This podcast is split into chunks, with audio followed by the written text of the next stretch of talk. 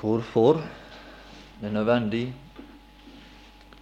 med en rettferdig gjørelse.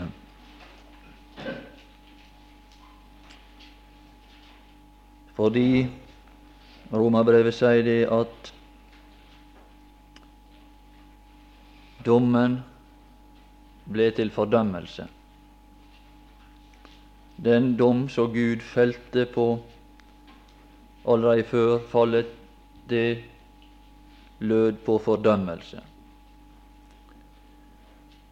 Og det motsatte av fordømmelse, det er rettferdiggjørelse. Dette finner du i Romerbrevet 5, 16 og i Romerbrevet 5, 18, men vi skal ikke lese det. Matteus 12, 36.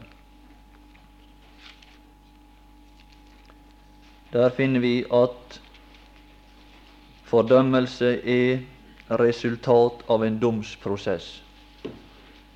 Det finner vi det er det vi finner i eh, Romerbrevet også. Det er den rettslige side som er omtalt i Romerbrevet, og ikke den naturmessige. Det er den side som har med skyld, straff og rettsforhold skapelig som rettsansvarlig overfor Skaperen.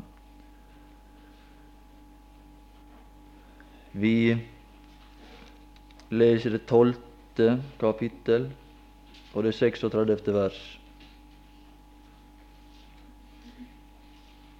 Der står det om dommen, dommens dag. Og I forbindelse med dom står det i det 37. vers Efter dine ord skal du kjennes rettferdig. Det er altså samme som i Romerbrevet. Kjennes rettferdig. Det er samme som frifinnelsesdom. Der er brukt forskjellige uttrykk eller rettferdiggjørelse. Det er det samme innhold i disse ord. Kjennes rettferdig, og efter dine ord skal du fordømmes. Det er to uttrykk som da står imot hverandre, og som svarer til hverandre. Og det, det, disse to uttrykk i forbindelse med dom, rettsbehandling. Vi går til andre Korinterbrev og tar med noen få, bare noen få betraktninger, så må det være nok om dette. Andre Korinterbrev er det tale om ei tjeneste. Og vi skal sjå der den sjølve hensikten med denne tjeneste. Tre og vers ni. For dersom fordømmelsens tjeneste det er sjølve Guds karakteristikk av den tjeneste Mose hadde, den som han ga til Israel. Det er fordømmelsens tjeneste. Den skulle være med å fordømme dette folk. Det var det som var hensikten. Og det er en total forvrengning når folk i dag prøver å leve opp til dette. Og det var ikke Guds hensikt at mennesket skulle leve opp til det. Guds hensikt var at menneskets totale bederv skulle komme til syne ved en lov. Derfor er den kalt fordømmelsens tjeneste. Og vi leser i vers 7 dødens tjeneste eller den tjeneste som det står i en annen oversettelse, den tjeneste som formidler vår fordømmelse. Det er dødens tjeneste. Den formidler ikke den formidler ikke oss død, men den formidler oss at vi er døde, slik at vi kan bli frelst. Så det er godt. Det er godt å få å bli klar over. Og i det sjette vers står det for bokstaven den slår i hjel. Den slår oss i hjel. Og Det var det Paulus hadde opplevd når han står i, Galaterbrevet 2. Og Så sier han det Jeg er for loven død, sier han. Jeg er død for loven. fordi at jeg har sett det, at jeg er bederva. Men jeg, jeg døde ikke sjøl i egen person. Jeg har sett en som dør for meg, og det er slike konsekvenser for min person, sier han. At jeg er død i denne personen. Ja, hva, hva, hva du leve da, sa han. Kan du si? Hvordan kan du leve da? Tja, Kristus lever, sa han. Og han har satt sitt liv inn i meg. Det er derfor jeg lever, sier han. Kristus lever i meg. Og det liv, sier han, det er noe å tale om, som jeg nå lever i kjøtet. Det er et liv som kan ytre seg både i kjøtet, men det er ikke avhengig av kjøtet for å leve. Det er bare nå i kjøtet. Men så skal du leve i ånden. Så skal ha liv som ikke nødvendig trenger dette legemet. Om jeg var i legemet eller utenfor legemet, det vet jeg ikke. For i meg er det liv som kan bevege seg i andre sfærer enn akkurat dette legemet, sier han. Ja, det er liv som en dag skal uttrykke seg på forskjellige måter. Å, det er en framtid for oss, venner. Vi må aldri ta det så tungt om det ser litt mørkt ut en stund nå. Her gikk de under stor forakt. Du må aldri ta det tungt. Nei, det er framtida for den som er frelst. Det kan du være sikker på. Det er all framtid for oss. Det er ikke noe vesen som skal romme mer enn det vi kan romme, som er frelst i denne periode. Og det er ingenting av synlige ting, det er ingenting å henge hatten sin på. Men vi lever og vi opplever de guddommelige ting. Og Gud skal en dag gi anerkjennelse til den som trodde på Hans Sønn. Og de som skjønte der ingenting var å ta og føle på, så skal han tale om, om oss. Å, venner, det skal ikke være bare det vi har gjort. Å, han skal rose den som fester tillit til Hans Sønn den dag han ble jaga ut av, ut av Jerusalem, ut av alle systemer i denne verden, og spikra på et tre Ah, det er en som tror på Han, og han skal anerkjenne det. Han skal tale vel i all evighet om den. Og du skal få føle det, og du skal kjenne den ros som Gud gir deg. Og du skal oppleve det. Og du skal få oppreisning, og vi skal alle få oppreisning. Og vi kan komme litt inn på det i kveld, kanskje. Ja, men det, det er nå et uttrykk her som jeg aldri har forstått for. I denne er noe som jeg ikke kunne forstå. Det står her Den fremtrådte i herlighet. Det står i det niende vers. Dersom fordømmelsens tjeneste er herlighet. Kan du forstå det at det kunne være noe herlig med det? Ja, det kan jeg forstå. Når jeg ser Guds hensikt bak alt dette, da er det ikke rart. Men når Gud er slik i sitt vesen, da kan det stråle noe godt ut ifra dette vesen når han gir loven også. For sjå vesenet bak. Han vil berike oss, det er det som er hensikten. Men først må han avkle oss for å kunne berike oss. Og da ser vi det at her stråler jo Guds vesen ned til oss her også. Hans vesen er slik at han vil berike oss. Derfor må han ta ifra oss og gi oss først fordømmelsens tjeneste, som slår oss i hjel, for at vi kan ta imot det nye. Den er herlighet. Ja, det var ikke rart. Det var ikke rart det var herlighet, men det er mer nå. Da er rettferdighetens tjeneste, eller den tjeneste som formidler vår rettferdiggjørelse, så langt mer rik på herlighet. Og det skinner i Kristi Jesu åsyn, og den skinner over oss. Og det er dette skinn, det er der vi ser Guds uttrykte bilde. Det er i Kristi Jesu åsyn og den kommer ifra Kristi Jesu åsyn, skinner den inn i vårt hjerte. Og så kan den, dersom vi ser på dette åsyn, så kan den skinne frem fra oss. Det kan den, men det bør vi helst ikke bruke så mange ord på. Det bare kan. Ja Nei, Det var mye vi skulle ha sagt om dette. Du ser det at det står det også om i Hebreabrevet 7. Der finner du også fordømmelse. 11.7 finner du også fordømmelse. Det er sagt om Noah. Han fordømte den. Det er den ene sida. Fordømmelse. Og så ble han arving til rettferdighet. Det er to motsatte uttrykk. Rettferdigheten av tro. Der går det fra fordømmelse og til rettferdighet. Og disse to uttrykk er motsatt, motsatte uttrykk. Og det samme finner, vi i andre Peters brev 2 og vers 6. Bare gå fort over det. Peters andre brev 2,6.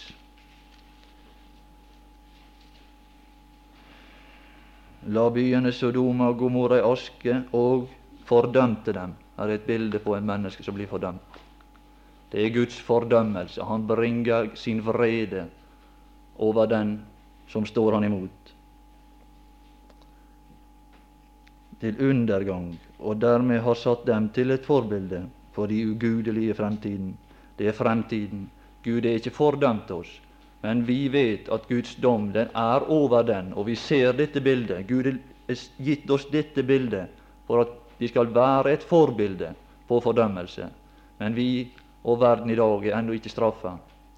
Men det er et forbilde på de ugudelige fremtiden. Og fridd ut den rettferdige. Han kunne ikke fordømmes. Den rettferdige kan ikke fordømmes. Det er en rettferdig i denne byen. Og det er noen som blir rettferdiggjort nå også. Og vi er rettferdige, den rettferdige, som var rettferdig. Ja, vi skal bare forlate det, og vi skal gå til det som egentlig jeg hadde lovt å si litt om. I Romerbrevet 3.24 skal vi lese uttrykket før vi fortsetter.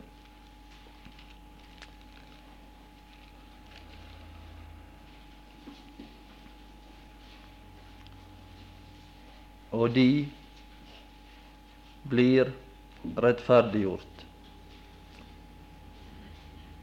De blir, altså er det gjeldende nå, når disse og dette vers har sin virketid. Og det har sin virketid fra pinsedag og til Ja, det hadde sin virketid også før, men ikke på den måten som nå.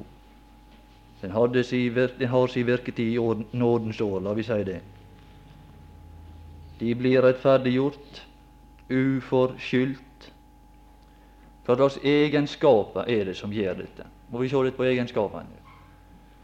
Hva egenskaper er det? Så ser han hen til oss, og så sier han det. Nei, der, er visst, der var ikke egenskaper. Ja vel. Der var ikke noe.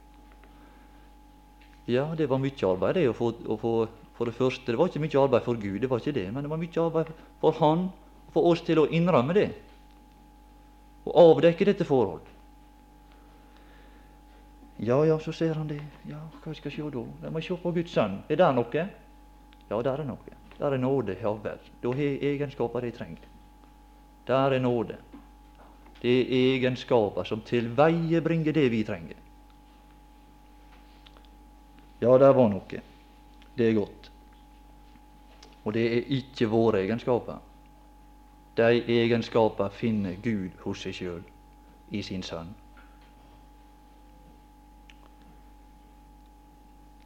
Ja, så står det et uttrykk til ved forløsningen. Ja, hva er det for noe? Ja, det er en tilstand. Forløsning er en tilstand som Gud er brakt til veie. Kan du huske det? Det er en tilstand som Gud er brakt til veie. Det er et tilveiebrakt grunnlag hvorpå Gud kan rettferdiggjøre oss. Det er forløsningen.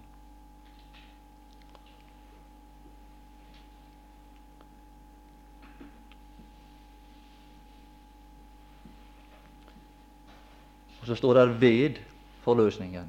Altså dette middel, denne tilstand, som Gud gjør seg benyttelse av. For å kunne rettferdiggjøre oss, meg og deg. Først måtte Gud bringe til veie en tilstand. Denne tilstand er forløsningen. Og det har han gjort. Og det har han gjort én gang for alle. Og La oss huske det. Og Vi skal ta et eksempel fra Det gamle testamentet. Andre Mosebok 12. Det er veldig kjent. Andre Mosebok tolv.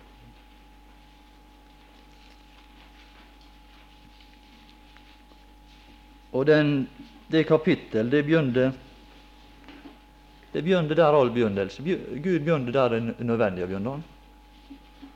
Og Romerbrevet sier det at hvem skal stige opp til himmelen? Ja, det er vantroen som taler slik. Det er motsatt hos Gud. Det er Gud som er steget ned til oss. Og Herren sa til Moses og Aron i Egyptens land Ja, det er der mine befinner seg, sa han. Det er der de som jeg elsker, og som jeg vil forløse. Der er de. Ja, ja, la det stige ned, sa han. Det kan jeg gjøre med det. Vil jeg frelse, så må jeg finne meg å stige ned. Ja, så er jeg, kom han en dag og så sa han det. Nå er jeg steget ned. Så sto han der.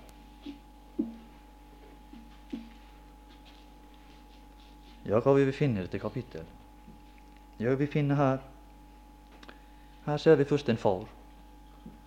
Ja, men det var ikke mye trivelig en far her i dette kapittelet i begynnelsen. Det var ei triste, ei fortelling. En ensom far. Og du skal ikke ta det så tungt. Her blir snart koselig her. Her blir snart et hus. Og her blir snart noe å ete. Her blir noe å være samla om. Og her blir det forløsning. Her blir trivelig å være. Her blir ei familie, det kan du være sikker på. Og i vers tre står det Men det begynner med denne far.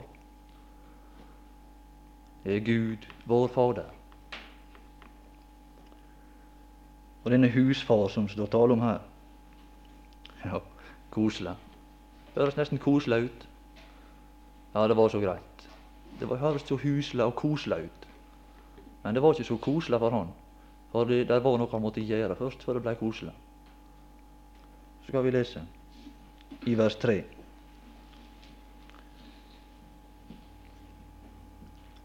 Han skaffa noe til veie i dette tilfellet.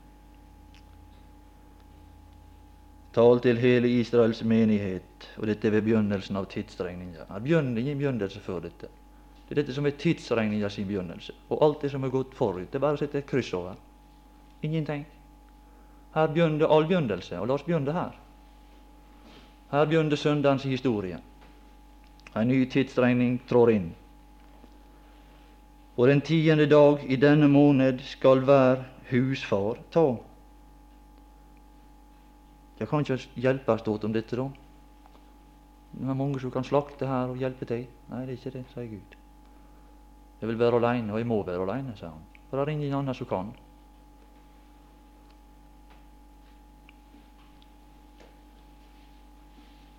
Skal hver husfar ta seg ut et lam, et lam for hvert hus.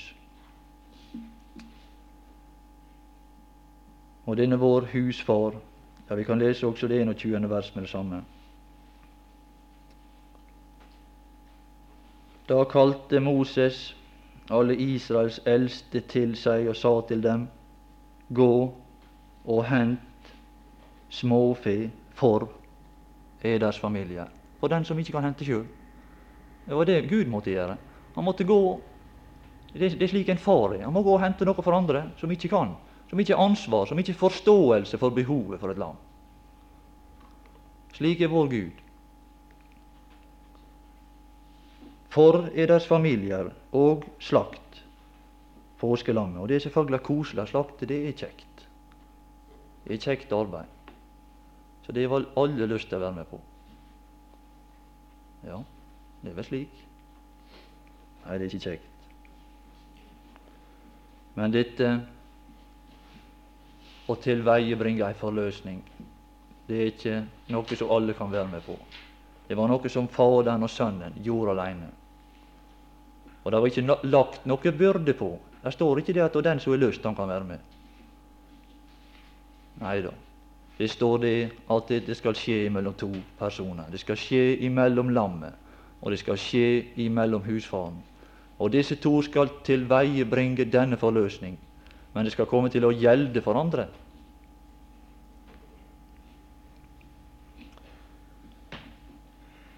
Skal vi lese Lukas 1,68?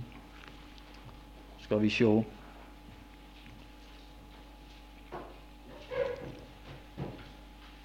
En sekstiåtte.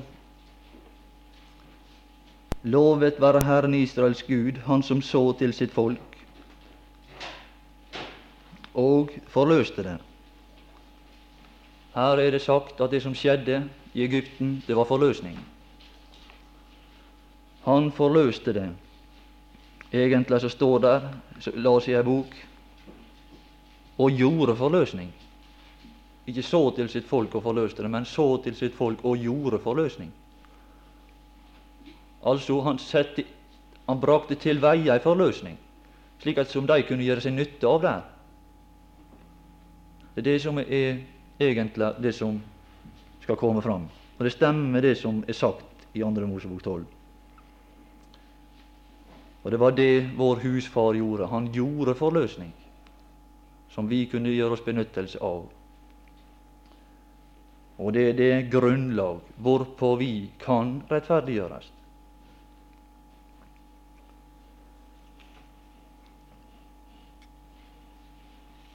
Vi ser det at de er alene om dette. Lammet og husfaren. Det er sak imellom disse to.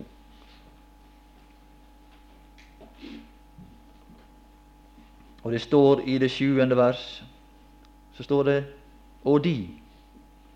Her er det flere. Her er ikke det én eller to. Her er det de. De som det, denne forløsning skulle komme til å gjelde. De som ikke hadde forståelse for behovet, ikke hadde kontakt med Gud og den virkelighet som er Gud, som ikke kunne lytte til denne røst, at det er nødvendig med dette lam og denne forløsning. Men her taler taler altså da om tilegnelsen av denne forløsning. Tilegnelsen av det som er blitt tilveiebrakt av Faderen og Sønnen. Blodet det er et vitnesbyrd om det som er skjedd, og om virkninga av det som er skjedd. Det er et vitnesbyrd, og det er virkning av det som er skjedd.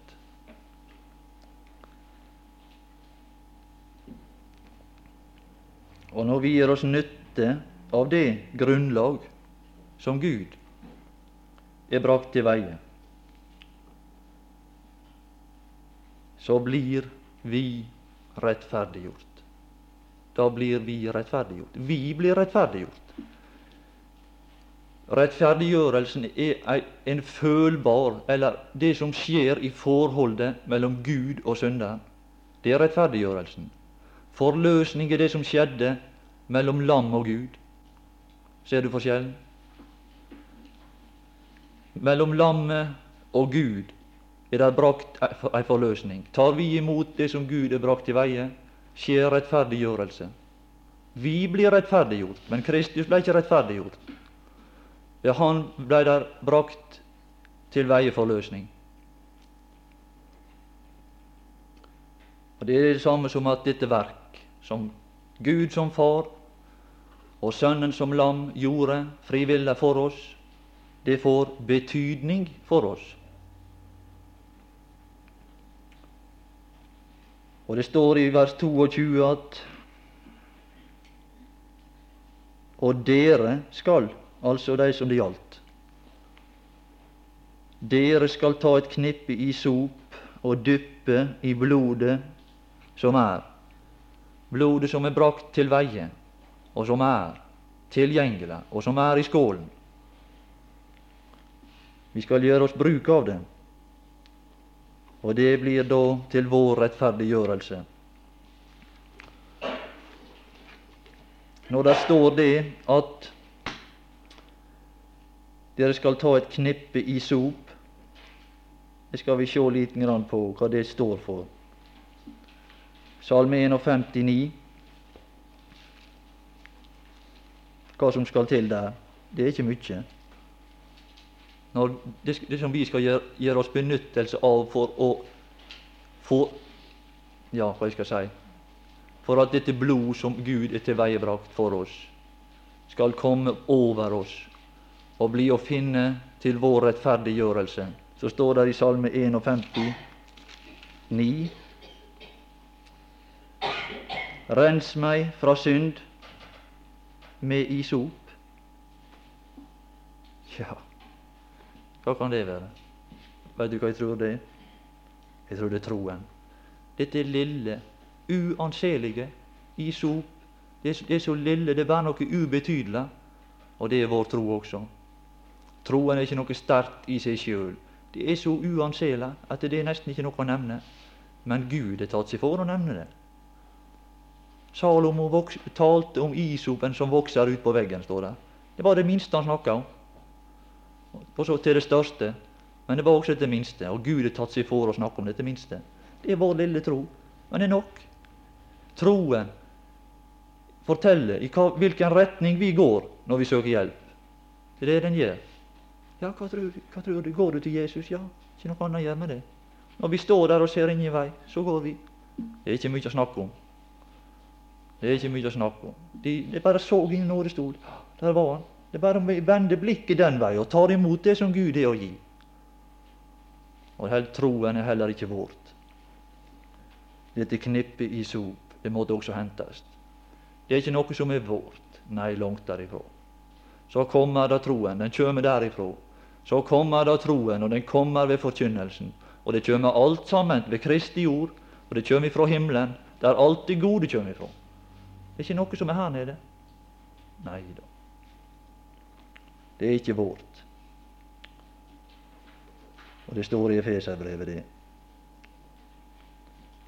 At vi fikk både troen og vi fikk nåden. Vi fikk alt som behøvdes til vår rettferdiggjørelse. Men det er så uanselig av vår tro. Det er ingenting å nevne heller. Men det er bare at vi må gjøre oss benyttelse av det, slik at dette kan komme over oss, og vi blir rettferdiggjort.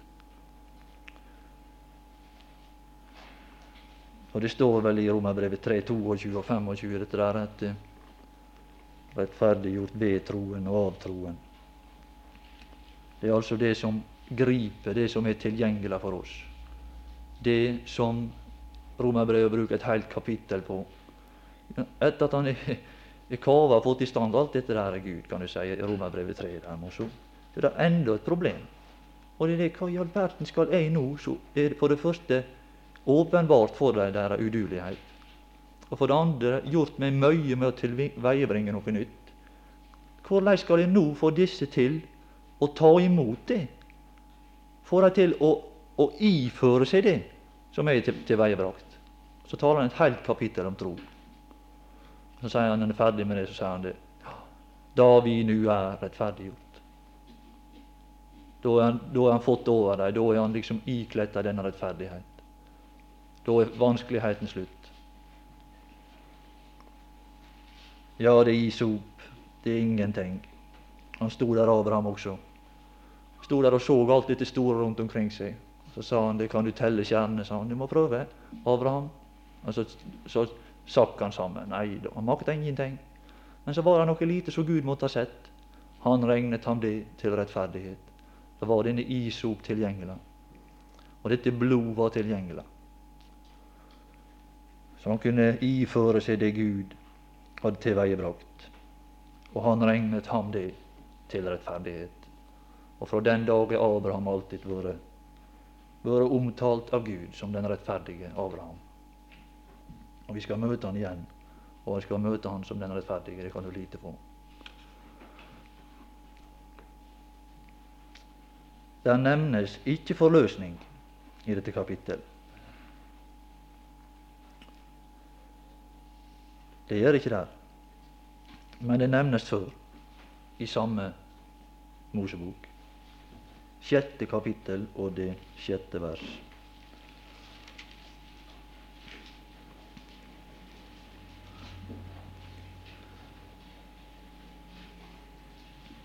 Si derfor til Israels barn, jeg er Herren,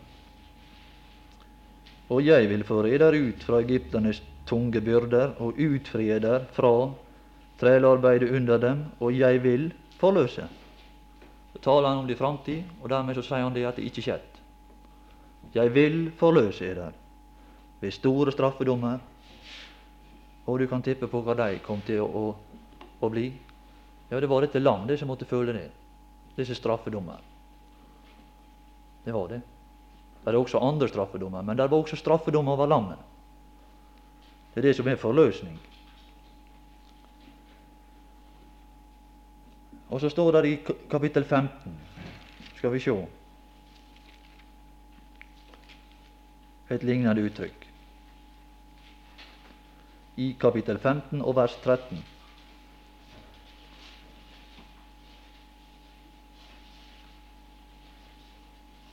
Du forløser det folk som du forløste. Nei, det er ikke det. Forløsning er en engangsforeteelse. Og når han er ferdig med å forløse, så begynner han en førelse. Du fører ved din miskunnhet til folk som du får til. Nå er det skjedd sånn. Tal, før talte jeg om det fortid. I, i framtid. Nå taler jeg om det fortid. Det er skjedd, og det skjedde ved lammet. Det var det som skjedde der. Det var forløsning. For at de ikke skal ta dette ut av fantasien. Det var forløsning, men det var ikke forløsningen i Kristus Jesus. Det var ikke. Det er ei anna forløsning, og det er en langt større forløsning. Og I Efeserbrevet 1 og vers 7 skal vi lese om denne forløsning. Og dette er det som går forut for rettferdiggjørelsen, og er det grunnlag hvorpå Gud kan ta oss opp og gi oss, gi oss rettferdiggjørelse, som er en tilegnelse av forløsningen. 1 og vers 7.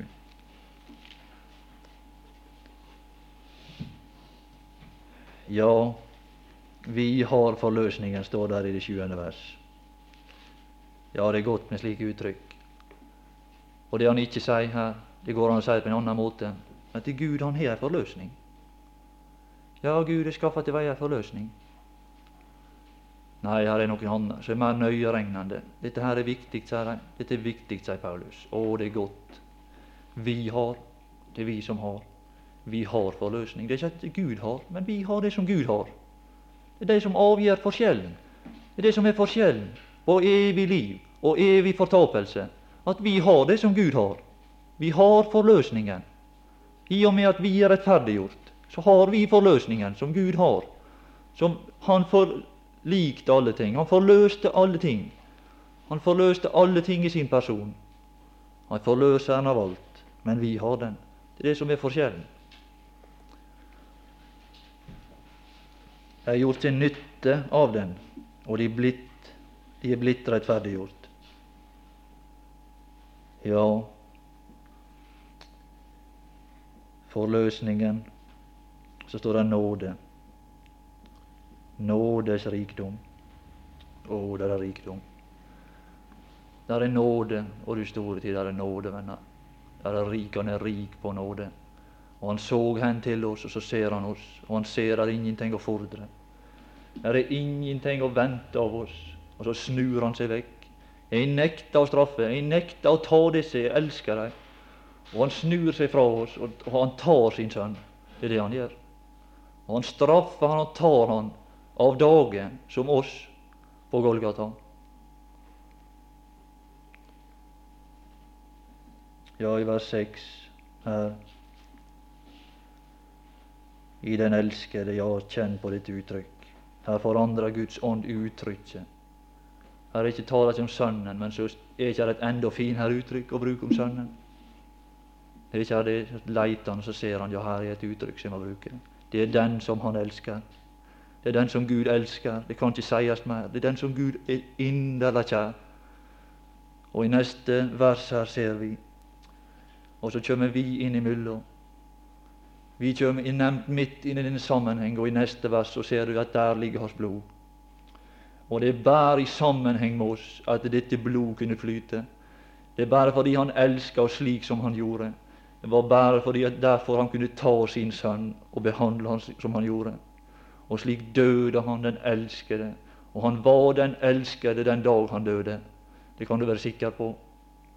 Og jeg lurer på i Egypten kan det er som, som foretar slaktning. Jeg skal si det, det er ikke den svake, men det er den som elsker, og som har kvaliteter i sin person til å ta det han elsker, og til å, å holde på dette lam, og til å kjenne at livet går ut. Og Det å ta livet og, og det, det å skjære strupa på dette lam. For han hadde bruk for dette, dette offer. Han hadde bruk for blodet, og han hadde bruk for det til meg og deg og ingen andre. Og Derfor kunne han makte det. Derfor har han krefter, vår husfar, til å gjøre dette med dette lam. Og han hadde bruk for dette blod, og han holdt det der mens livet ebba ut. Og slik døde han for meg og deg, og han var den elskede den dag han døde. Slik er vår Frelser, og han lot seg behandle. For lammet er Faderen, den som står over, som er krefter og evne til å ta livet, som ikke kan fly under. Han kunne ikke fly. Han døde slik, som den som elsker. Han er den som blei elska, men han er også den som elsker oss.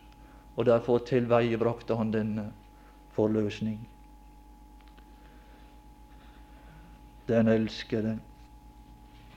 Vi har forløsningen, men bare ved Hans blod. Syndenes forlatelse. Syndenes forlatelse gikk forut. Han forlot oss, og så tok han han. Det var det. Han forlot oss.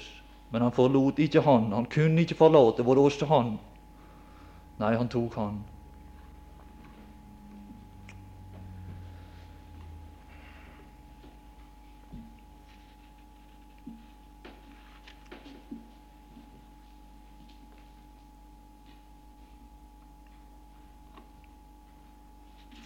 Vi skal også se på dette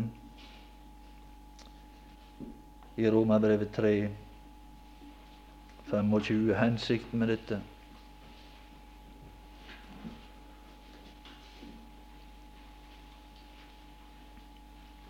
Og i dette kjøme, som jeg har sagt før, så kjøme på dette punkt avstanden mellom Gud som den opphøyede og mennesket i sin falne tilstand så sterkt til syne at det ikke kunne være noe annet punkt å møtes på.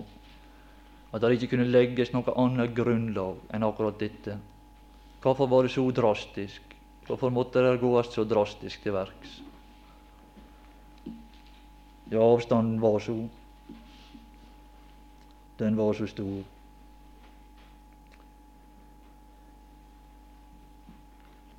Og i Romerbrevet 3.25 skal vi se litt av hensikten. Det er for så vidt kjente ting, men det hører med her. Forløsningen står der. For, altså forløsningen står det i 24. vers, og så kommer det da ei innskuddssetning for å vise sin rettferdighet. For å vise sin rettferdighet.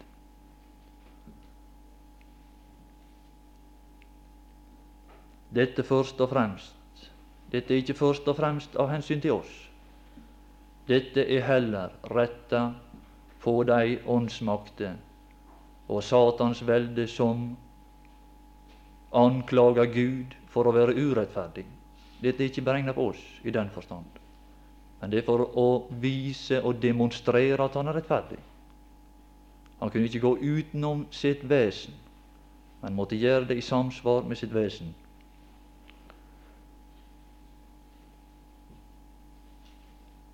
Og disse vesen de har til hensikt, står det i Romerbrevet 8, 38, å skille oss fra Guds kjærlighet. Makter, krefter, engler og alle disse her, som anklager Gud og passer på at dette går rett for seg.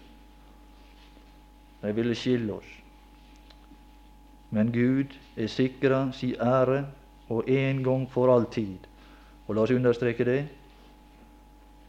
Han har gjort det, dette har han gjort en gang for all tid, demonstrert dette. At han er rettferdig. Og jeg skal si det, det at dette var ikke vårt problem. Det var ikke vårt problem. Og det har jeg lært meg sjøl å kjenne på den måten at jeg har veldig stor sans for mine egne problem. Men det er lite sans for Guds problem. For han hadde problem. Han hadde det problem at hvis han ville ta oss opp, så måtte han gjøre det på rette måten. Mennesket sier 'du kan vel ta meg opp, så jeg kan vel ta meg inn i himmelen'. Nei, han kan ikke det. Kan ikke han ordne dette på rettferdig grunnlag, så kan ikke han det. Det er bare vi det som kan slå av på kravene. Og det gjør vi støtt og stadig. Så det går vi utenom prinsippet. Men Gud kan ikke det. Nei, dette er Guds problem, og han må ordne alt i samsvar med sitt vesen.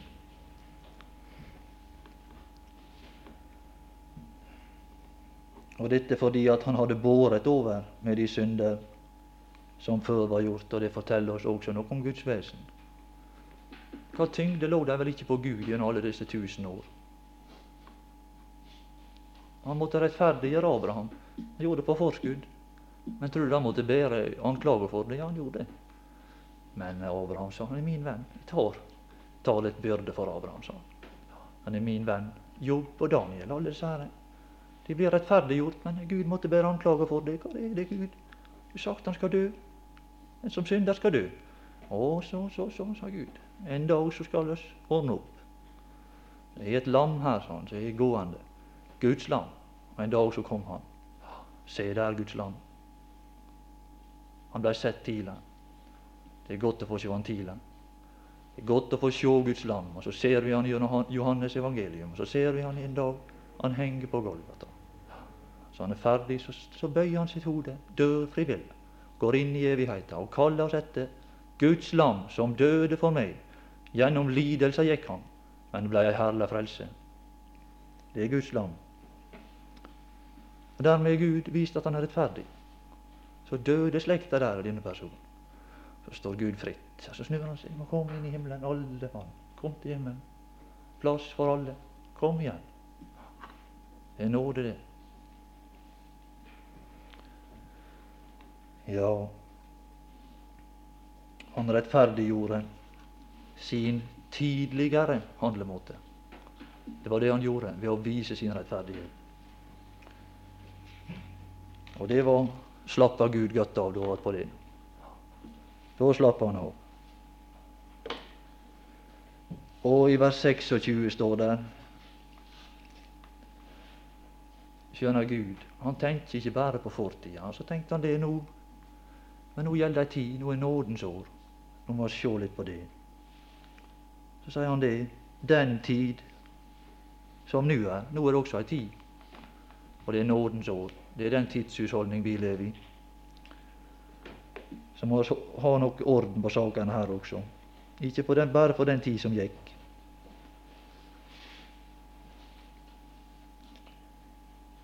Og denne Guds rettferdighet den er virkninger i begge retninger fra Golgata. Og i den tid som nå er, kan Gud vise tilbake til Golgata. Og nå er ikke anklager noe problem for Gud. Nei, nå slipper han å bære over. Nå slipper han å bære din anklage. For han har behandla synderen. Og Gud står mye mer fritt med hensyn til nåde enn han gjorde før. Han slipper å bære denne sure kritikk fra slangen, som står for Guds åsyn for å anklage den natt og dag. Det nytter ikke. Nytter aldri, det. så han kunne være rettferdig.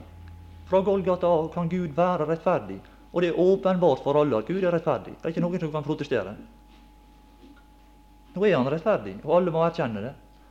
Før måtte han bære over. Og så bar han anklaga sjøl. Han tålte vredens kar. Han tålte, og det sier oss noe om Guds vesen, det kan du være sikker på. Dette, det han måtte tåle. Han tålte. Det er kvaliteter i Gud. Og det kommer tydelig fram. På ingen annen måte er Guds vesen åpenbart enn ved at han tålte. Og han tålte korset. Han tålte lidelse. Han, det var ikke det at han, han demonstrerte sin makt ved å slå ned. Det vil være demonstrasjon av kraft, men det er enda større kraft å demonstrere ved å lide, og lide gjennom. Ja, Gud han var rettferdig i gamle dager, kan du si, når han rettferdiggjorde. Men han kunne ikke vise til noe. Han Kunne ikke vise til noe. Derfor måtte han bære anklage for det. Nå kan Gud, han kan vedvarende være rettferdig, etter at han i et øyeblikk viste sin rettferdighet over lammet.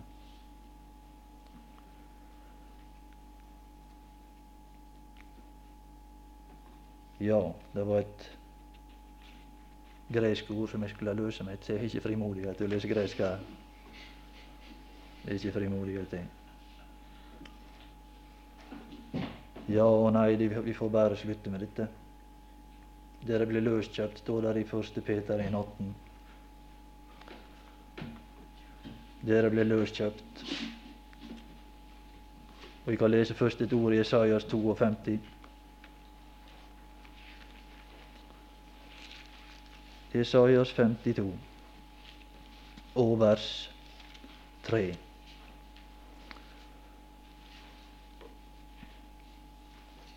For så sier Herren, for intet ble dere solgt. Uten penger skal dere bli gjenløst. Her er ikke det valuta det dreier seg om, men her er andre verdier enn valuta. Og for Gud er det også det valuta. Han er også en penning. Han er også verdier, men det er ikke penger i den forstand. Så sier han det, det var ikke penger når dere ble solgt, og ikke skal det være penger når dere blir gjenløst. Og så sier Peter det var, var ikke penger sammen, det var blod. Hvis det var det blod. Det var Kristi dyre blod. 1. Peter 1,18.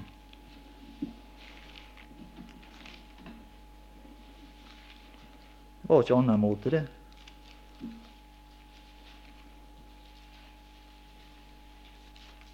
Det var ikke annen råd for Gud. Og det var ikke bare blod, men det var blodet av den, den som han elsker.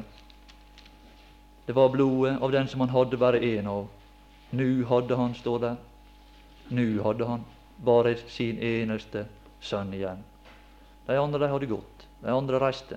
De, de falt alle sammen. Og så nu står det, så hadde han bare sin eneste sønn igjen, som han elsket. Ja, ja. Ja, ja. For dere vet Det er godt å få vite, det er godt å få litt kunnskap om dette. At dere ikke med forgjengelige ting, sølv eller gull, ble løskjøpt fra fra eders dårlige ferd, som var arvet fra fedrene, men med Kristi dyre blod. Her er en verdi som gjelder, og som vi kan gjøre oss benyttelse av. Og gjør vi oss benyttelse av denne verdi, så blir vi rettferdiggjort for tid og for evighet. Og det var det universets største pris. Det er sikkert det universets største verdi. Kristus som er tilveiebrakt for oss, og som legger det grunnlag under enhver synder at han kan bli rettferdiggjort. Forløsning er Guds grunnlag, rettferdiggjørelsen er vår opplevelse av dette grunnlag som Gud er tilveiebrakt alene for oss mens vi ennå var syndere. Herre Jesus, så blir det mange ord, og så får du ta hånd om det alt sammen.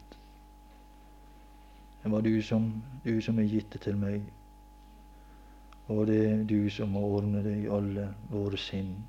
La det bli litt til betydning for oss, for alle disse unge. I denne mørke natt, der er det trengsel, der er så mange andre bilder stilt opp i Duradalen, i landskapet Babel. Herre Jesus, la oss få kjenne den innflytelse og se ditt bilde. Kjenne den sanne Gud og kjenne den grunnvoll som evig varer ved, sjøl i de mørke øyeblikk. Da har vi, det er da vi har, det er da vi behøver å ha en talsmann hos Faderen, Jesus Kristus, den rettferdige. og Han er en soning for våre synder, og takk for det. Velsign kvelden for oss, for Sønnens skyld. I Jesu navn. Amen.